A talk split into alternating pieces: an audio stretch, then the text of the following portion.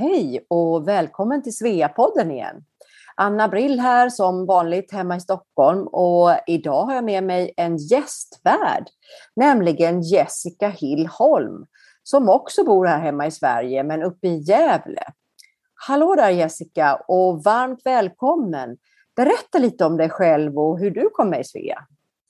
Ja, tack Anna. Eh, ja, men Jessica heter jag och Eh, jag har bott i Kalifornien i fem år, närmare bestämt Los Angeles.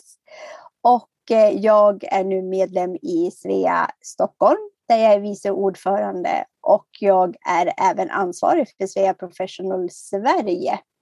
Och det har jag varit i cirka två år nu.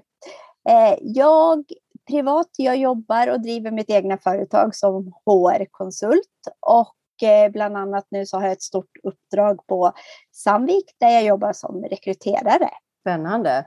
Men du, eh, idag har vi ju haft den stora förmånen att få prata med Agneta Melin. Hur träffade du henne egentligen? Ja, Agneta träffade jag eh, för cirka två år sedan första gången när jag eh, Eh, hade anmält mitt intresse av att sitta eh, och arbeta i styrelsen i Stockholm. Där jag först då hade ett möte med valberedningen där de intervjuade mig och så. Och nästa steg då var att träffa Agneta som var då dåvarande ordförande. Så att vi träffades och eh, ja, men det var en intervju och vi klickade och eh, på den vägen är det. Ja, vad kul. Men Jessica, vi har ju haft ganska stora rubriker här i Svea nu i pressen nyligen. Och det handlar ju om att kronprinsessan Victoria i torsdags fick eh, motta utmärkelsen Årets svenska kvinna. Och eh, inte nog med det, utan hon fick den faktiskt tilldelad av sin egen faste Titti som hon kallar henne. Ja, alltså prinsessan Kristina. Det är ju kronprinsessans faster, men också är ju hon Sveas hedersordförande. Ja, det var ju verkligen en fantastisk ceremoni ute på Millesgården på Lidingö. Jag var ju med via livestreamingen som Svea gjorde till eh, alltså medlemmar över hela världen. Och jag hörde ju att vi var typ flera hundra över hela världen, typ Australien, Europa, Asien, USA och Kanada. Så det är verkligen supercoolt.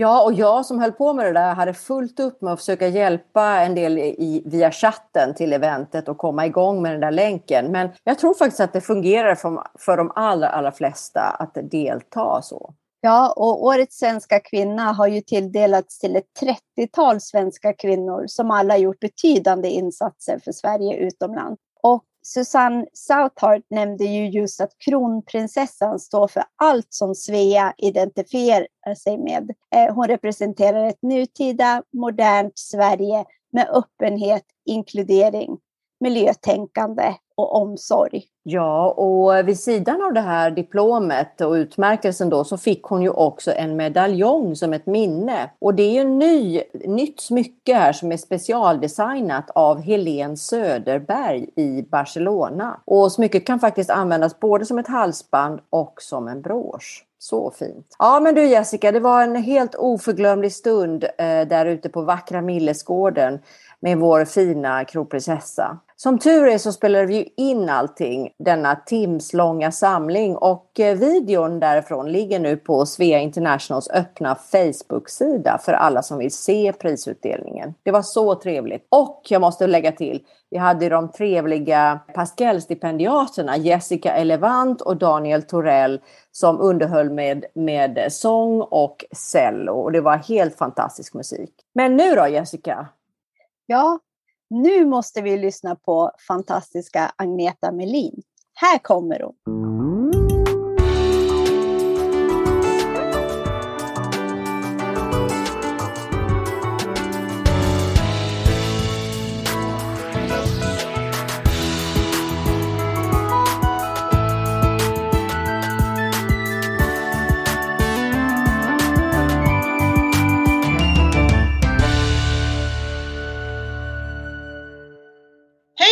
Namn är Agneta Melin och jag bor i Uppsala tillsammans med min man sedan 46 år. Vi träffades faktiskt på studenten redan 1970 och blev ett par då. Och det är många år sedan, 51 år sedan.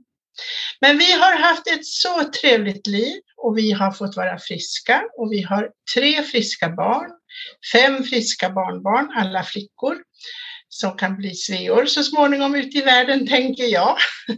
Och ehm, jag har min gamla pappa här i Uppsala, 94 år. Och eh, vi har haft ett väldigt trevligt liv, jag tror tack vare alla dessa 18 år utomlands som vi har fått.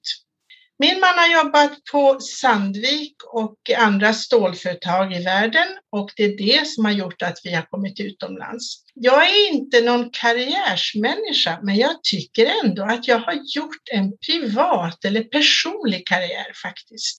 För jag har lyckats på de ställen där jag har bott utomlands, det har varit USA, Japan och Spanien. Jag tycker att jag har gjort, eh, fått livet liksom att vara bra för mig också. Så jag har inte suttit och varit någon bitter medföljare.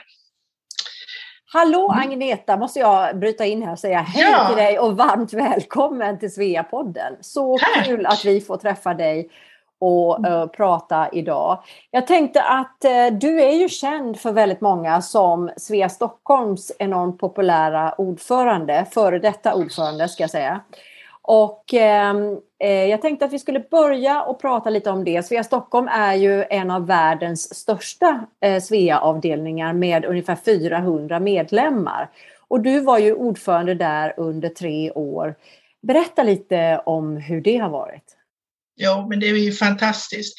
Jag tror till och med att vi är den största avdelningen i världen faktiskt. Vi brukar tävla lite grann med San Francisco, men nu tack vare att, vi, att Svea Västerås har lagt ner sin verksamhet så har vi fått deras nästan 40 medlemmar. Så nu är vi nog uppe i 440 medlemmar i Svea Stockholm.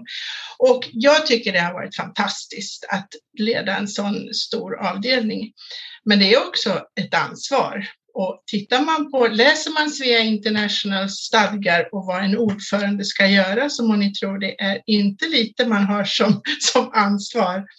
Eh, och det, det, men, men samtidigt så är man ju bara människa och det här är ett fri, frivilligt arbete. De flesta jobbar ju frivilligt i Svea och det tycker jag är jättebra. Men du berättar lite om hur, hur blir man en bra ledare inom en organisation, frivillig organisation som Svea? Vad är viktigt att tänka på? Ja, man ska vara sig själv och man ska eh, försöka vara engagerad. Det tror jag är eh, ett väldigt viktigt ord, engagemang. Och eh, sen ska man ju naturligtvis försöka sprida glädje. Det är bra om man är lite, har lite humor och lite, eh, lite kreativitet så där man kan hitta på saker, ta lite initiativ. Men sen måste man också vara som en som en vanlig chef, som en ledare, så måste man ju också vara, lyssna på andra, eh, kunna delegera, kommunicera bra eh, och ehm, ja, kunna sammanfatta eller våga ta beslut och sammanfatta när man har haft en lång diskussion i en styrelse. Så det är viktigt att kunna sammanfatta vad som sägs av 9-10 styrelsemedlemmar och då kunna säga, ja men hörni, nu tycker jag, nu sammanfattar vi det så här, håller ni med om det? Eh, det är så väldigt viktigt i Sverige att man ska ha konsensus och det ska, alla ska vara med på, på spåret så att säga, tåget. Men du, jag tänkte på det, det, det, är ju så här att vi är ju en frivillig organisation och det är inte alltid ja. så lätt att få folk att, att ställa upp på poster och, och göra saker. Hur, hur, hur, har du gjort med det och hur har du lyckats? Du är väldigt duktig på att få tag på personer. Ja, men vi ska ju ha roligt och sen så ska man ju kunna ge eh, om man ställer upp frivilligt så är det ju väldigt viktigt att man, om man vill ge lite grann så ska man ju respektera det som, då, som ordförande. Att jaha, du vill bara jobba den här tiden, du kan bara ha kvällsmöten eller du vill inte eh, hålla, eh, hålla i någon aktivitet utan du vill bara jobba hemifrån och du vill sitta vid din dator. Man måste ju liksom lyssna på hur folk vill jobba. Eh, och sen så tror jag man kan sprida den här liksom glädjen, entusiasmen att vad Svea är, det är ju, vi ska ha roligt. Och sen sa du så här, engagemang är viktigt. Kan du ge några exempel på vad du tycker är viktigt i form av engagemang? för att man ska lyckas som ordförande? Ja, det är ju, man ska liksom lyssna och tänka sig in i vad, vad, med, vad, vad kan vi göra bättre? Vad, man ska inte bara släppa saker och ting utan nu måste vi, nu måste vi göra det vi har sagt. Och, och kommer det någon ny så måste man ta, ta upp den personen. Vad skulle ja. du säga att du har lärt dig då genom att vara ledare eller ordförande inom Svea Stockholm?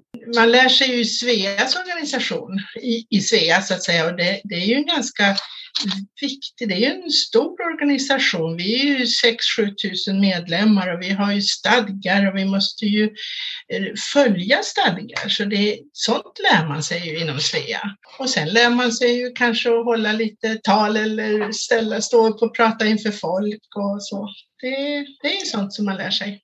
Mm. Vad skulle du säga att du har uppskattat mest då när du har varit ordförande inom Svea? Träffa alla, alla sveor, lära känna alla. Och in, när man är ordförande så får man ju åka på dessa världsmöten och regionmöten och det har jag varit på ganska många faktiskt. Mm. Eh, och det är ju det är någonting som man uppskattar som, som ordförande. Men annars är det bara att träffa vanliga människor och det är jättehärligt. Du eh, berättar också lite om, du har ju en lång karriär inom Svea, inte bara Svea Stockholm. Ni, du och din man har ju bott i USA, i Japan eh, och, men även i Spanien där du var med och startade Svea Barcelona. Berätta lite om det. Ja, men jag har ju en sån här liten, liten vana att när jag flyttar, vi har flyttat väldigt mycket faktiskt, även inom Sverige så har vi bott i Mjölby och Örebro och Sandviken och Uppsala och så vidare.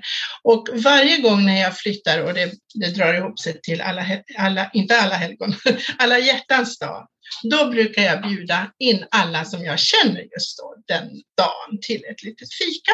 Och det var det jag gjorde i Barcelona då 2003 och då kände jag kanske tio personer och det var svenskor. Och jag frågade dem då, är det någon som har funderat på att starta Svea här i Barcelona? Jo, det hade de faktiskt funderat på. Och det var en dam, Margareta Bernsten Persson, hon hade varit med i Svea i Milano. Så att hon sa så här, ja det är klart vi ska göra och då sa vi alla att då kan hon bli ordförande. Och så ville jag bli medlemsansvarig för jag tycker det är så kul med människor. ja, och, och sen körde ni igång där då. Det, och sen berättade du en kul grej där innan för oss att, att ni började faktiskt med Svea Professional där innan det faktiskt fanns inom Svea. Berätta om det. Bra att du berättar det för att jag, jag, vill, jag vill gärna slå ett slag för det faktiskt. Men vi, visste inte vad vi skulle kalla den här gruppen så vi kallade oss för Svea yr, eh, yrkeslivsgruppen. För vi trodde att alla sådana här ord, vi visste ju inte vad man kunde använda om man kunde, fick använda typ Svea Professional. Va? Så vi trodde det skulle behöva vara ett svenskt ord, så vi sa då yrkeslivsgruppen. Eh, och det var jag och en annan tjej, Madeleine Nilsson, som, som startade det. Och vi gick ut på restaurang, vi, vi bjöd in eh, yrke, yrkesverksamma, vi pratade väldigt mycket om våra olika jobb och vad vi hade. Jag hade inte jobb, men något annat jobb än SEA, men jag tycker ändå att det var så viktigt att eh, fånga upp de yngre sveornas intressen för eh, yrkesliv och så. Ja, och det är ju någonting som växer inom Svea nu, nu väldigt mycket. Att fler och fler avdelningar startar just Svea Professional. Ja, det är eh, och det är ju jättekul för att nu med mm. så är det ju många som faktiskt åker ut kanske utan familj och de jobbar och även om man har familjen med sig så jobbar man också. Just det. Men mm. du, eh, nu, nu vill vi veta lite om din eh, nuvarande situation. Du bor ju nu hemma i Uppsala. Mm. Och eh, jag vet att du bor på ett lite speciellt ställe. Kan du berätta lite om det? Jag tyckte det var så spännande. Ja, eh, jag är 69 år nu och eh, åren rullar på. Och eh, det är så att mina föräldrar, när de var ungefär 70 år, när pappa hade slutat jobba och, och så vidare, så eh, bestämde de sig för att flytta just till det här stället. Det heter Ekebyhus och det ligger i Uppsala. Eh, och det är ett så kallat seniorboende eller 55 plus. Det har varit väldigt bekvämt för oss fyra syskon att ha föräldrarna på det här stället för här har man då eh, gemenskap, eh, samvaro, lite service, man sköter sig själv. Det är ett privat, en privat bostadsrättsförening. Och vi har ju förstått att mamma och pappa trivdes väldigt bra här. Och mamma hon gick faktiskt bort för 19 år sedan. Men pappa har ju bott kvar och haft då de här vännerna här. Och det är ungefär 100, det är 100 lägenheter och cirka 115 personer som bor här. Vi har egen, eget kök, egen personal och eh, här bor Ulf och jag nu sedan tre år tillbaka och det är helt fantastiskt. Vi har alltså kan vi säga lärt oss lite grann av mina föräldrar då att tänka efter före. Eh, det betyder alltså att man ska tänka lite grann, hur kan livet bli och hur vill jag ha det när jag blir äldre? Mm. För antagligen så är det så att, att någon av oss går bort före den andra och vi hoppas ju att vi ska kunna bo här i 20, 25, 30 år. Men det vet man ju inte. Eh, och här har man då eh, som en stor familj kan man nästan säga. Var och en har sin egen lägenhet, det är bostadsrättslägenhet, man eh, rustar och har sig precis hur man vill. Och sen, men sen har man då gemensam matsal och gemensamma måltider. Det finns sjuksköterska här två dagar i veckan, sjukgymnast, vi har massor med trevliga lokaler, bibliotek, gympasal, eh, gästmatsal, gästrum eh, och så vidare. Så vi hur, trivs så fantastiskt bra. Hur drivs det här? Är det ett företag eller är det en stiftelse? Eller hur? Bo, vanlig bostadsrättsförening. Och som, som det hörs på oss så, så vill vi ju liksom bestämma lite grann själva hur vi vill ha det och därför så har Ulf då gått med och i styrelsen här och är ordförande. Och jag är naturligtvis då engagerad i Matrådet. Jag är ju gammal ekonomiföreståndare inom storkök, så att då bestämmer vi eh, ganska mycket, eller vi inte bestämmer, men vi kan föreslå saker och ting och påverka vårt eget boende. Så att man äger sin egen lägenhet? Absolut. Man köper den. Ja. Men man har då tillgång till restaurang och, och sjuksköterska och allt det här. Mm. Det låter ju helt fantastiskt. Ja, vi tycker det är fantastiskt. Mm. Och vi har ju till och med hört att du har döstädat. Och vad, vad, betyder det då? Ja, jag tycker det inte är ett så bra ord. Men, men jag vet... Det är lite jag läskigt vet, ord Ja, precis jag, jag, tycker inte det är bra. Men, men det betyder ju att man ska göra sig av med grejer som man egentligen inte behöver. Och, och det gjorde vi faktiskt. Vi bodde i ett ganska stort radhus då för tre år sedan och eh, vi eh, märkte ju det att vi behövde inte ha alla de där sängarna och stolarna och bokhyllorna och, och, och allt vad det var. Eh, så att eh, vi klarar oss jättebra på 84 kvadratmeter med de grejer som vi nu har. Eh, naturligtvis så är det ju lite svårt att kasta fina, fint porslin och glas och sånt där, så man får ju tänka sig för. Det tar ju något år kanske. Mm. Och, och size down tycker jag är bättre ord. Att, Vad att gjorde liksom... ni då? Slängde ni bara grejerna? Eller? Nej, nej, man får ju tänka efter. Så man, man ger ju bort till de som behöver. Det kan ju vara hela trädgårdsgruppen gav vi till grannar. Andra saker gav vi bort till, till sådana som behövde. Vi frågade ju naturligtvis våra barn och de ville väl kanske ha några saker men inte så mycket för de hade redan etablerat sig. Eh, men eh, sen finns det ju Stadsmission och, och, och eh, ni vet alla de här frivillig eh, ja, vad säger man, second hand och så vidare. Så mm. Men du, hur gamla var ni då när ni flyttade in där? Och vilken ålder tycker du man ska vara när man börjar göra det där och börjar tänka på seniorboende? Ja, vi var ju lite, lite för unga, men då hör till saken att det finns bara fem stycken fyror här, alltså lägenheter som är lite större. Och då blev det en ledig. Det var en, ett par som dog och vi kunde då få chans på den lägenheten och då sa vi det är lika bra vi liksom lägger beslag på den nu. Fast vi tyckte väl kanske att det var några år för tidigt. Men vi ångrar inte en minut. Och till saken hör att vi har ju ett sommarställe också som vi kan vara på. Eh, och det är ju skönt. Man kan gärna ha ett liv utanför seniorboendet. Man kan ha verksamhet, man kan, vara, man kan ju jobba fortfarande och ändå flytta in på ett seniorboende. Men vid vilken ålder tycker du att man ska börja tänka på, på det här? Ja, jag tycker man ska börja tänka på ja, 70 år tycker jag är...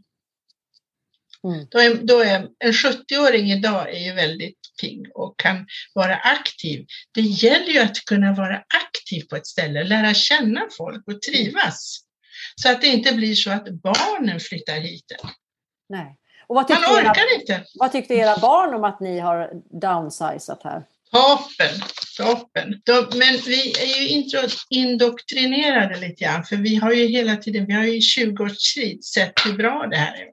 Ja, det är, vi ångrar inte en, en minut. Men Agneta, om du skulle berätta lite om din bakgrund då. Eh, du kommer ju från Värmland, stämmer det? Stämmer. Och, ja. Jag är hagförsing. Jag kan, yes. prata, jag kan prata hagförsing och jag kan läsa Fröding och jag pratar som en riktig sån här Ja. kan du berätta hur första delen av ditt liv såg ut då? Ja, Eh, lyckligt. Vi, eh, väl, eh, jag känner mig trygg. Jag har haft trygg barndom och eh, mina föräldrar, eh, stockholmare, de flyttade till Hagfors för pappa jobbar på Uddeholmsbolaget, också ett sånt här stålverk. Och eh, vi fyra syskon, två flickor och två pojkar, vi är födda uppe i Värmland. Sen 1963 när lilla syster Gunilla föddes, då flyttade vi tillbaka till Stockholm för då började pappa på Sandvik. och då då var det lite jobbigt för jag var ju en 11-åring som kom från Hagfors och skulle till Stockholm. Och det var ju görläskigt. För, det, för, för där hade ju de flickorna i 12-årsåldern, de, de hade ju börjat eh, gå ut med killar och, och så vidare. Och jag lekte fortfarande med döcker. Så, så, så, men, men det gick bra och så småningom så, så började jag gymnasiet på Södra Latte Södra Latin i Stockholm och då var jag så mogen och så vuxen tyckte jag. Då kommer mina föräldrar att säga att vi ska flytta till Sandviken. och då bröt jag ihop första gången ordentligt. Men det gick också bra och jag gick gymnasiet där och som sagt på studenten så gick jag på balen tillsammans med en kille som heter Olle. Och så träffade jag Ulf han kom och räddade mig från en sån här diskussion om Vietnamkriget. Aha, jag brukar säga att han kom ridande på en vit häst och sa, ska vi dansa? och, och sen dess så är vi livskamrater. Och då var du 18 eller? 18 ja, mm, och han är 19. Ja, vad härligt, vad härligt. Och sen har du och Ulf eh, kamperat ihop och eh, ja. ni har spenderat hela, var det 18 år utomlands? Just det.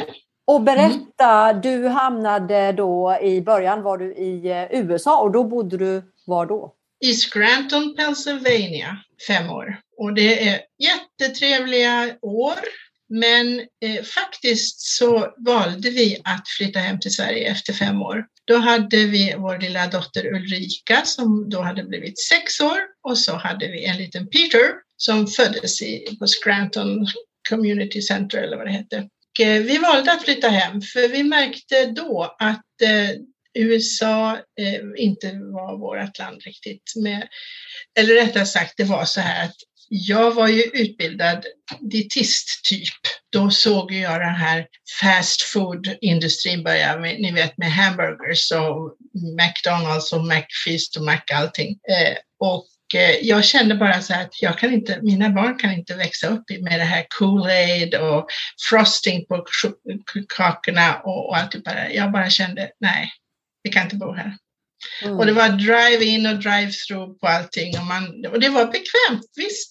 Man åkte igenom en bank och hade drive-through. Så Men, då flyttade ni hem helt enkelt? Ja, vi gjorde det. Ja, vi gjorde det. Efter fem fantastiska år. Jättetrevligt. Och det fanns ju tyvärr ingen Svea där då?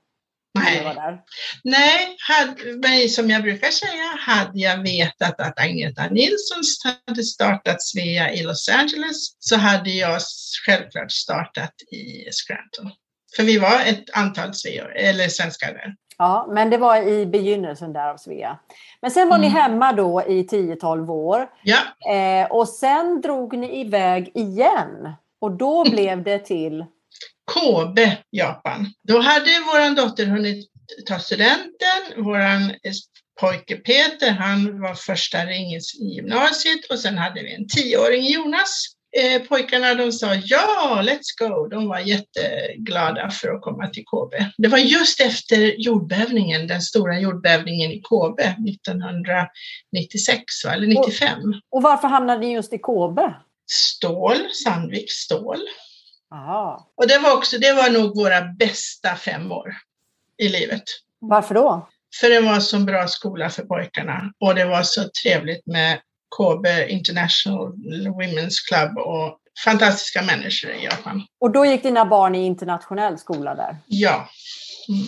Ulrika, vår dotter, hon var hemma då och hade börjat läsa biologi och är nu ja, eh, håller på med hållbarhetsfrågor. Du sa att det var era bästa fem år i livet i Japan. Vad var det som var så bra där? Ja, det var Japan som land, som människorna där. Men det är klart att jag, jag vill väl verkligen säga att det var skolan som var bra för. Där var det där ordet som jag älskar, engagemang.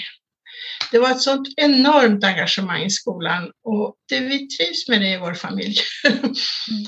Eh, rektor stod och hälsade alla elever välkomna och det var hårt, tufft men samtidigt roligt för pojkarna och för oss. Mm. Och hur många barn hade du i skolan där då? Våra pojkar, Peter och Jonas. Peter han graduated, alltså gick ut tolvan då och han har kämpat med engelskan då från svenskt gymnasium och så kom han direkt in i 10th, 11th, 12th grade. Det var ganska tufft men... Eh, men det gick bra? Ja, och det som vi älskar i vår familj det är den här blandningen av musik, sport och eh, studier. Så att man liksom kombinerar det här, för det ena ger det andra och förstärker det andra. Det är... Tycker du att de var bättre på att kombinera flera sådana aspekter än, än vad det kanske är i Sverige? Ja, absolut. Mm. För det var, fanns ju liksom inom skolan, musiken och sporten där. Det var ju, och, och, lärarnas engagemang då, som om de såg att någon pojke på fotboll eller socker då, om de inte eh, klarade eh, sina studier så sa de att ja, då får du nog vänta med att stå över de här träningarna nu. För det är viktigt att du, du pluggar och klarar den här. Så det, det, det, är det jag tror, man, man gick som mer, det är bra morötter det där. Men och det stimulerar, ni... det stimulerar hjärnan med musik och sport. Ja, precis, precis. Men sen var ni hemma i några år, men sen kom ni tillbaka till Japan igen. Ja, fast vi har ju varit i Barcelona då emellan. Ja, just det. Ni var i Barcelona emellan. Och, och det... Sverige. Det är det och som är... Sverige. Ni har flugit fram och tillbaka, men sen ja. kom du tillbaka till Japan och då var det 2010, eller hur? Då var det 2010, Tokyo, ja. Och då... Utan barn, utan barn. Bara Ulf och jag. Aha. Bodde i Roppongi och kunde ägna oss åt jobb och Svea. Just det, och då, för det fanns ju inget Svea där i Kåber när du bodde där, Nej. utan då eh, kastade du dig in i det och hur var det då? Jättetrevligt. Oj, oj. De, mycket aktiviteter och man lärde sig olika, du vet, eh, japanska eh, hantverk och ikebana och göra washi eggs och åka på intressanta studiebesök på sidenprinterier och sakura viewing och hanami och allt vad det hette. Det är så fantastiskt. Spännande land. Ja, otroligt. Jättefint. Och eh, lärde du dig något särskilt av att leva i Japan just? För det är ju ändå en ganska annorlunda kultur. Ja visst är det det. det. Det, det man älskar i Japan det är ju den här ärligheten. Jag kan glömma ett paraply på en restaurang och så kommer jag dit två år efteråt och så säger jag jag tror jag har glömt mitt paraply. Ja, det ligger här. Jag kunde markera på Starbucks kafé, eh, ni vet, kaféer, så kunde jag markera med min telefon på min plats eller med en väska. Ja, ingen, ingen, ingen skulle ta den? Ingen eller? skulle ta den. Ja, vet, vet, vet ni varför det inte stjäls några bilar i Japan?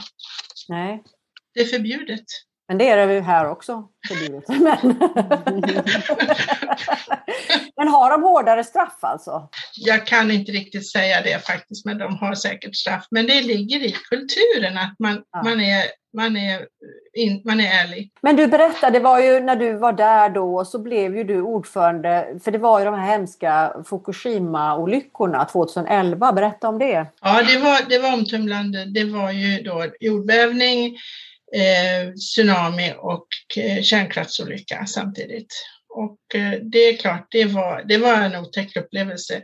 De här, det vet alla som har upplevt jordbävningar, det är jätteläskigt. Man bara undrar, är det det här den riktigt stora? Ja, vi kände ju den i Tokyo också förstås. Skakade Men, det i huset eller? Absolut, absolut. Jag var på väg till svenskskolan. Jag är lärare i svenska skolan då och var på väg dit och klockan var tio i tre, ni vet, på eftermiddagen. Och det enda jag tänkte på, det var att jag måste komma till mina elever på svenska skolan. Så på något konstigt sätt så lyckades jag ta mig då via en taxi faktiskt till skolan och det var bara en elev som var där då för att de andra hade liksom redan uppfattat att de skulle, Men att vad, det inte skulle hur, hur, vara märkte man, hur märkte man det här då? Husen skakar ju. Oj! Ja, ja.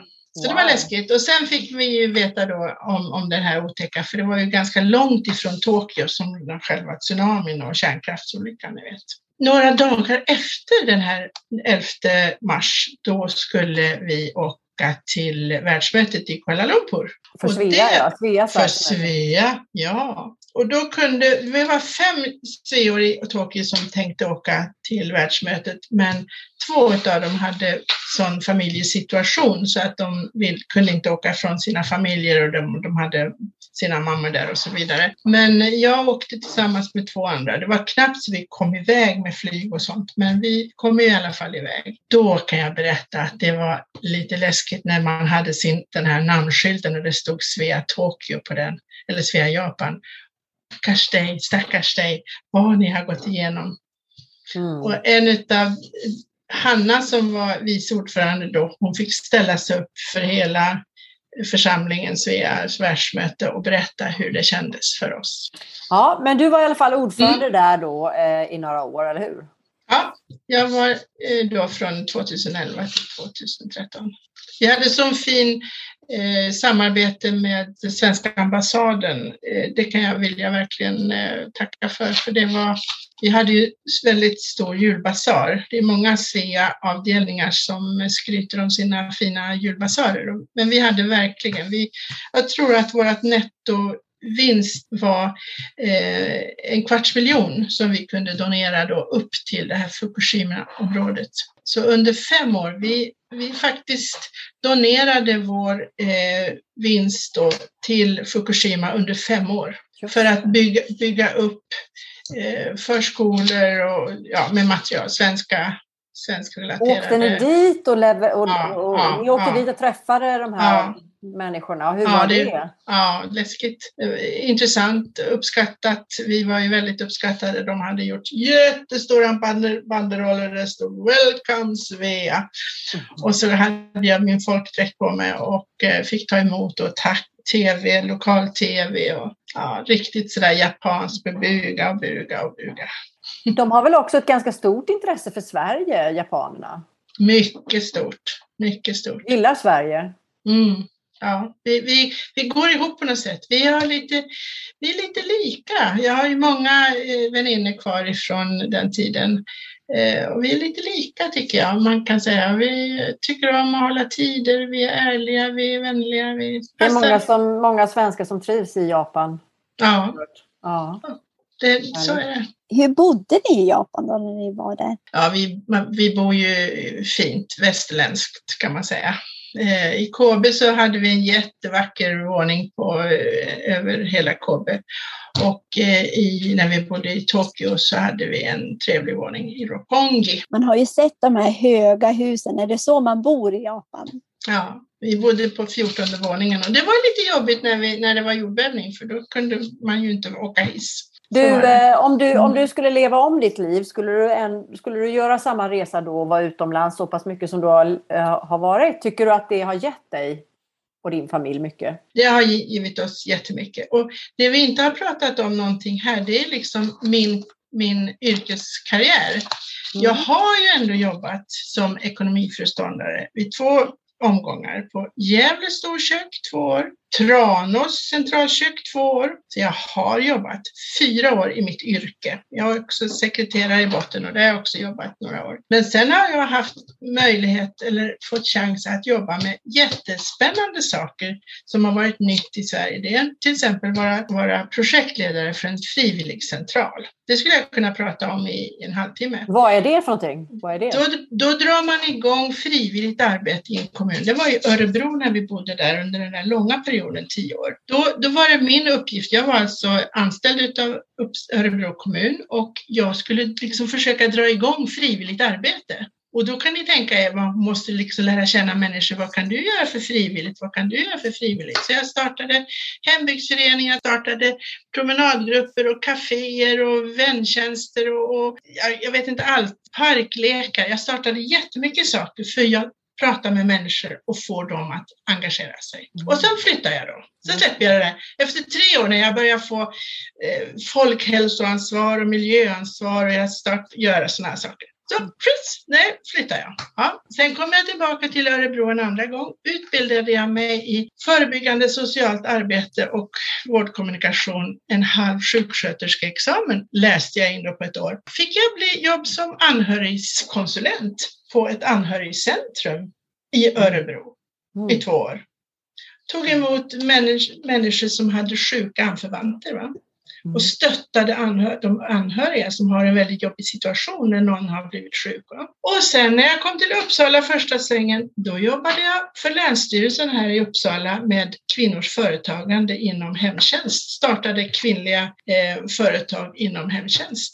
Och sen flyttade jag till Tokyo igen. Du, en fråga som vi har, en, fråga, en fråga som vi har fått av en del personer som har hört av sig till Sveapodden, det är faktiskt just det här hur ska man tänka runt sin karriär när man, mm. om man åker utomlands? Hur har du tänkt och har du några tips där? Du verkar ju ha lyckats fixa jobb när du har kommit hem. Sådär. Hur, hur gör man? För det första ska man inte tänka att jag bara är medföljare. Man ska inte ha den tanken liksom att jag bara är. Bara det att du är ute gör ju att du får en massa erfarenhet som många i Sverige inte har, får. Och då gäller det att liksom förstå det lite grann att det här kan jag ta ta tillvara på. Eh, den vad jag lär mig här i det här landet, det kan all, vara alltifrån, ja alla Det uppskattas av eh, arbetsgivare sen, tror jag, vet är det, jag. Är det så att de uppskattar det? Ja, inte tillräckligt mycket, men det här är någonting som till exempel SVIV, Svenskar i världen, jobbar väldigt hårt för. Jag har mm. varit på en sånt där Eh, det heter parlament. Va? Man, man, sitter, man pratar om vad är det som är svårt när man kommer hem till Sverige? Jo, det är att man inte blir riktigt uppskattad de, man har blivit bortglömd lite grann. Men, men då gäller det att tro på sig själv och det är klart, har man ett yrke där man känner att man måste hänga med, man måste kanske förkovra sig, man måste läsa på någonting, man måste, det finns ju så många möjligheter att läsa på distans och så idag. Då ska man ju försöka göra det eh, samtidigt som man ska njuta av tiden som man har utomlands. Så man ska, inte, man ska ju skynda långsamt ändå. Men rent eh, praktiskt när du har varit hemma då i de här mm. olika perioderna, har du, hur har du liksom fått jobb? Har du bara ringt upp så här och skrivit till dem då? Hej, nu är jag här. ja, eh, det som första som jag berättade om det här med frivilligcentralen, det fick jag för att jag hade varit dagmamma under en, en period i Örebro. Och då märkte de väl att jag drog igång jag var ju gruppledare då som dagmamma mm. för, för 15 dagmammor och, och tog initiativ där och då sa min chef då att du ska fundera på om inte du skulle kunna söka det här jobbet som och det var nytt i Sverige på den tiden, 1900, vad var det, 1995 eller något sånt där. Va? Då var det nytt med frivilligcentraler. Det hette också resursbanker. Men eh, man får väl våga lite, satsa lite och, och, och ringa upp Anhörigcentrum där, det jobbet fick jag faktiskt genom att jag tittade på eh, Arbetsförmedlingens annonser. Jag gick igenom varenda jobb och till slut så, ja, det hundrade jobbet som var listat på nätet så var det anhörigkonsulenter. Sa, där söker jag det. Jag älskar, jag älskar barn och gamla. Nej, men det gäller att vara, eh, och köra på när man kommer hem och inte bara sitta och, och tro att det går inte utan det är bara att kasta sig in i det, eller hur? Ja, och, och tro på sig själv. Ja, och hur ser framtiden ut nu då? Vad ska du syssla med nu framöver när du inte är ordförande för Svea Stockholm till exempel? Ja, men nu har jag tillsammans med alla avdelningsordförande i Sverige, vi har ju faktiskt startat ett samarbete nu med Svea Sverige och det tycker jag är jätteroligt. Det tror jag är viktigt. Berätta, Svea... vad är det för någonting för de som inte känner till Svea Sverige? Vi är fyra hemvändaravdelningar i Sverige. Det är alltså Svea, man tror ju att Svea bara finns utomlands, men det finns ju även i Sverige. Stockholm, Göteborg, Malmö och Örestad. Det är alltså Helsingborgstrakten. Och alla de AO nu, avdelningsordföranden, de är med på det här samarbetet och väldigt positiva till att vi ska ha ett lite mer samarbete. Vi gör nu en väldigt fin donation till ett projekt som ni känner till, det här med solvatten. Då går vi in genom en gemensam donation och skänker pengar till det här projektet. Och sen har vi ju mycket med vår, de här aktiviteterna som är i Sverige på somrarna, Sverigemiddag och eh, Svea luncher för sveor som bor utomlands. De tycker det är kul att komma hem till Sverige och träffa andra då som kompisar. Det händer ju faktiskt väldigt mycket här i Sverige. Och sen har vi ju eh, Svea. Professional Sverige. Jessica, kan inte du säga något om det? Vi har ju Svea Professional Sverige och det är ju samma där. Det är ju ett samarbete mellan Stockholm, Göteborg, Malmö och Örestad. Men då är det ju professionalavdelningarna då. då också många som kommer hem igen och tror att kanske Svea Professional inte heller finns i Sverige. Så att också försöka att fånga upp en bredare publik, ska man säga, eller så med eh, föreläsningar yrkes, och... ja, yrkesverksamma som kanske inte kan komma dagtid, men det är ju till för alla. Det är ju till för alla ser. Men just att vi har det här samarbetet, så det tycker jag är otroligt viktigt. Och det har jag, om jag får lägga till någonting, det är väl någonting som jag har lärt mig av dig Agneta, att vi skulle få igång det här samarbetet. Ja, precis. Jag tänkte just fråga dig Jessica, vad har du lärt dig? För du är ju eh, fortfarande och är fortfarande vice ordförande i Svea Stockholm. Berätta vad du har lärt dig av att arbeta med Agneta. Jag minns vårt första möte när jag träffade Agneta i Uppsala. Eh, min man hade skjutsat mig från Gävle och vi skulle ha ett möte vi hade ett samtal där jag kände ganska så snabbt, eftersom jag också har jobbat med ledarskap, att engagemanget var det som band oss samman. Och det är väl det största som jag känner att jag eh, vill ta med mig från Agneta. Dels hur viktigt det är, hur man skapar engagemang och också det här som att hon tog sig tiden som ordförande att verkligen se om jag var rätt person för den här eh, liksom organisationen och eh, styrelsen. Hon verkligen liksom gav sin tid. Så det är någonting som jag har tagit med mig, att verkligen så här, eh, ja men föregå med gott exempel eh, och ha roligt. Eh, vi har skrattat så mycket på våra möten, även fast det har varit allvar, men liksom det här glimten i ögat och just den här känslan av att eh, det finns något för alla. Det tycker jag Agneta verkligen förmedlar som när hon var ordförande. Ja, jag har lärt mig otroligt mycket. Men eh, just det här engagemanget, det är... Stämmer det Agneta? Känner du igen dig? Tack Jessica! Ja, men det är ju snällt att du säger sådär. Eh, ja, jag tycker att eh, man får bjuda på sig själv lite grann och man kan ju inte mer än göra bort sig. Jag kanske har gjort bort mig nu också på den här podden. Nej då, men du underbar Agneta. Ja. Men, Nej, men jag älskar, jag älskar Svea. Svea har betytt oerhört mycket för mig. Jag har alltså varit på så många världsmöten och regionmöten. Och jag har tillhört flera regioner. VEMA, OEMA och Asien. Och det betyder ju att man har varit på regionmöte i Hongkong och i Beijing. Jag har varit på regionmöte i Sydafrika när det fanns en avdelning där och jag har varit på världsmöten i Amsterdam, Kuala Lumpur, Perth, Dubai. Eh, ja, det, går, det, det här systerskapet som vi har inom Svea, det, det, här är en Svea-podd, då får man göra reklam för Svea. Absolut, absolut. Ja, ja. Det systerskapet är unikt man kanske inte riktigt förstår det förrän man har varit på sina första eh, världsmöten, regionmöten. Jag tror Jessica ska åka på, till Wien nu va? Ja. Ja, härligt. Det kan väl du hålla med om Anna? Du har ju också ja, varit... Ja, verkligen. Jag, jag håller med i allt vad ni ja. säger och allt du säger. Mm. Så att, mm. ja, jag hoppas mm. att vi ses snart på något eh, framtida här, eh, riktigt Svea-event. Vi har ju börjat lite här nu i Svea Stockholm, men Det kanske mm. blir ett världsmöte, men det kommer ju och det, du ska åka på regionmöten. Det är så fantastiskt. Så att, um, jag tror att med det så tror jag vi tackar dig Agneta för att du ställde upp och pratade med oss idag. Det var så spännande och vi önskar dig många, många, många, många fler år inom vår fantastiska organisation Svea. Och tack till Jessica också som var med idag. Ja. Och tack till er, Anna och Jessica. Tack för att du har lyssnat. Den här podden är inspelad och producerad för Svea International av Anna Brill och Maria Schacki. Musiken är skriven för Svea av Fredrik Åkerblom. Svea-podden finns nu på de allra flesta ställen där du hittar poddar. Eh, Apple Podcasts, Google Podcasts, Spotify, Acast och alla de här. Om du saknar något ställe, skicka ett mejl till oss på sveapodden gmail.com.